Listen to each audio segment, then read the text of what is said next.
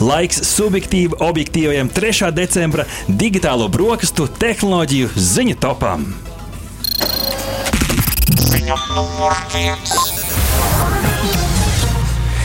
Video straumēšanas platforma YouTube ir atklājusi tās 2021. gada topu, jeb skatītāko video sarakstu.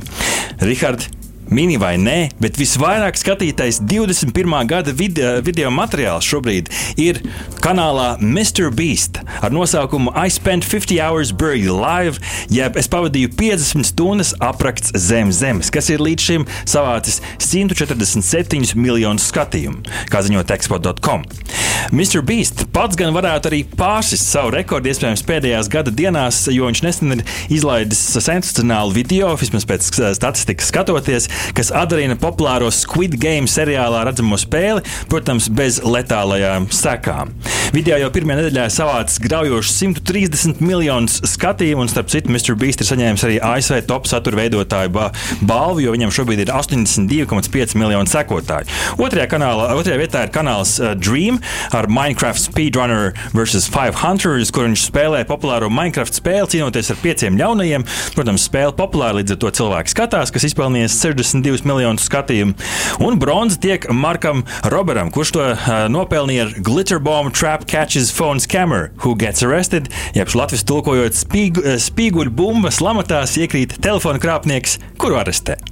Un visvairāk skatītie mūzikas video, visticamāk, šie, šīs dziesmas nekad neskanēs gan digitālajās brokastīs, bet nu, pirmajā vietā Push Aistī, Back in Blood, otrajā vietā The Weeknd, Save Your Tears un trešajā Lil Nas X ar Montero, Call Me By Your Name. Jā, nu būtiski piebilst, ka šis tops vairāk tomēr atspoguļo tieši ASV uh, tirgu. Un, uh, nu, jo kopumā pasaulē uh, visvairāk abonētie kanāli ir šādi. Tātad Indijas mūzikas video kanāls T-Series ar 200 miljoniem skatījumu. Filmu kanāls YouTube Movies ar 144 miljoniem sekotāju. Tas ir oficiālais YouTube jā, movie, jā. Uh, film, film platforma. Tieši tā. Un trešajā vietā bērnu video kanāls Coco Melon Nursery Rhymes ar 123 miljoniem sekotāju.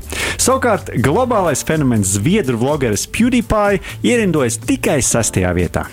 Ļoti interesants uh, tops, gan jau mēs to paši arī esam kaut kādā veidā ietekmējuši, bet nu, šāds atskats uz YouTube 21. gadā. Divi.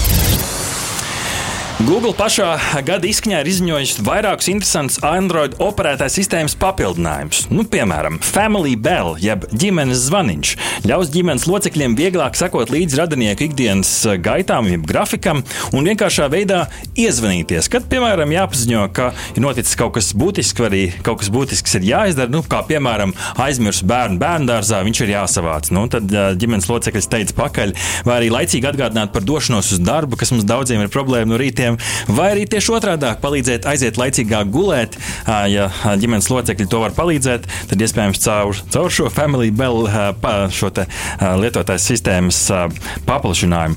Vietāluņa rocība papildinās widgets, jeb nu, šis vienmēr latviešu dīvaini skan, bet ekrāna vadīklis. Piemēram, Google grāmatu kolekcija, YouTube Music vai Google Photos digitālais rāmītis viens spiediena attālumā. Šis varbūt nav gluži tāds globāls jaunums, jo ir jau citādāk līdzīgi mēģināja noteikti bijuši, bet beidzot arī Android oficiāli. Un Google Photos ņem arī memorijas papildinājumu, kas galīgi nav jaunums. Šie atskati vēsturē jau dažādos sociālajos tīklos bieži vien ir bijuši. Savukārt eh, Android Auto, kas ir interesanti, būs eh, iespēja ar eh, vienu spiedienu un skārienu, uz skārienu jutīgā ekrāna automašīnā atbildēt uz ziņām, līdz ar to drošāk braukšana, varbūt no vienas puses. Bet vēl kas ir interesantāk, tad Android vietā runas varēs kalpot kā auto atslēga jaunākajām auto versijām. Un tagad uzreiz jāpiemina, ka tas nebūs pieejams pieejams visiem auto, bet sākumā tas draudzēsies tieši ar atsevišķiem jaunākiem BMW modeļiem. Bet jā, ne tik nopietns, bet varbūt smieklīgs papildinājums būs arī emoji klaviatūrai, kas ļaus savienot emoji, lai parādītu savas patiet, patiesās sajūtas. To varēs izmantot uh, Gboard beta lietotāji. Nu, Tātad, nu, piemēram, nu, jūs ņemat raudošu sēņu un suni, un jūs parādāt visai pasaulē, ka jūs esat viens noskumis sunītis. Numur 3.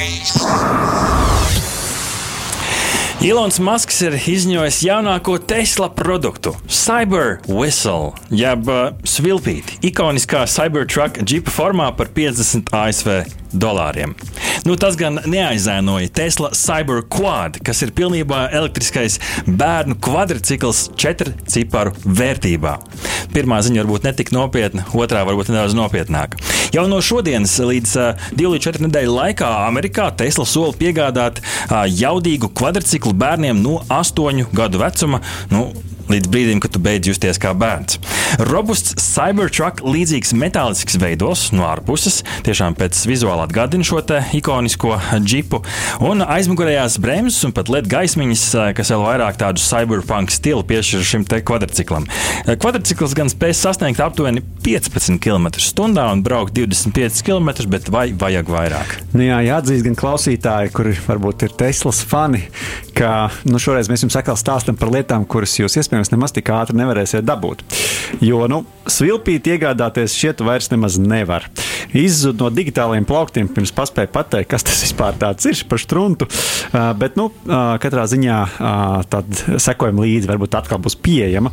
Un arī par kvadrcikliem, nu, mums kā Eiropiešiem, diemžēl, kvadrcikls uh, nebūs, uh, nebūs uh, pieejams. Tas būs domāts šobrīd tikai ASV tirgu. Uh, nu, tas ir vispār jautājums, vai tas ir reāls produkts vai kārtējs Tesla brenda kliedziens pēc naudas un uzmanības.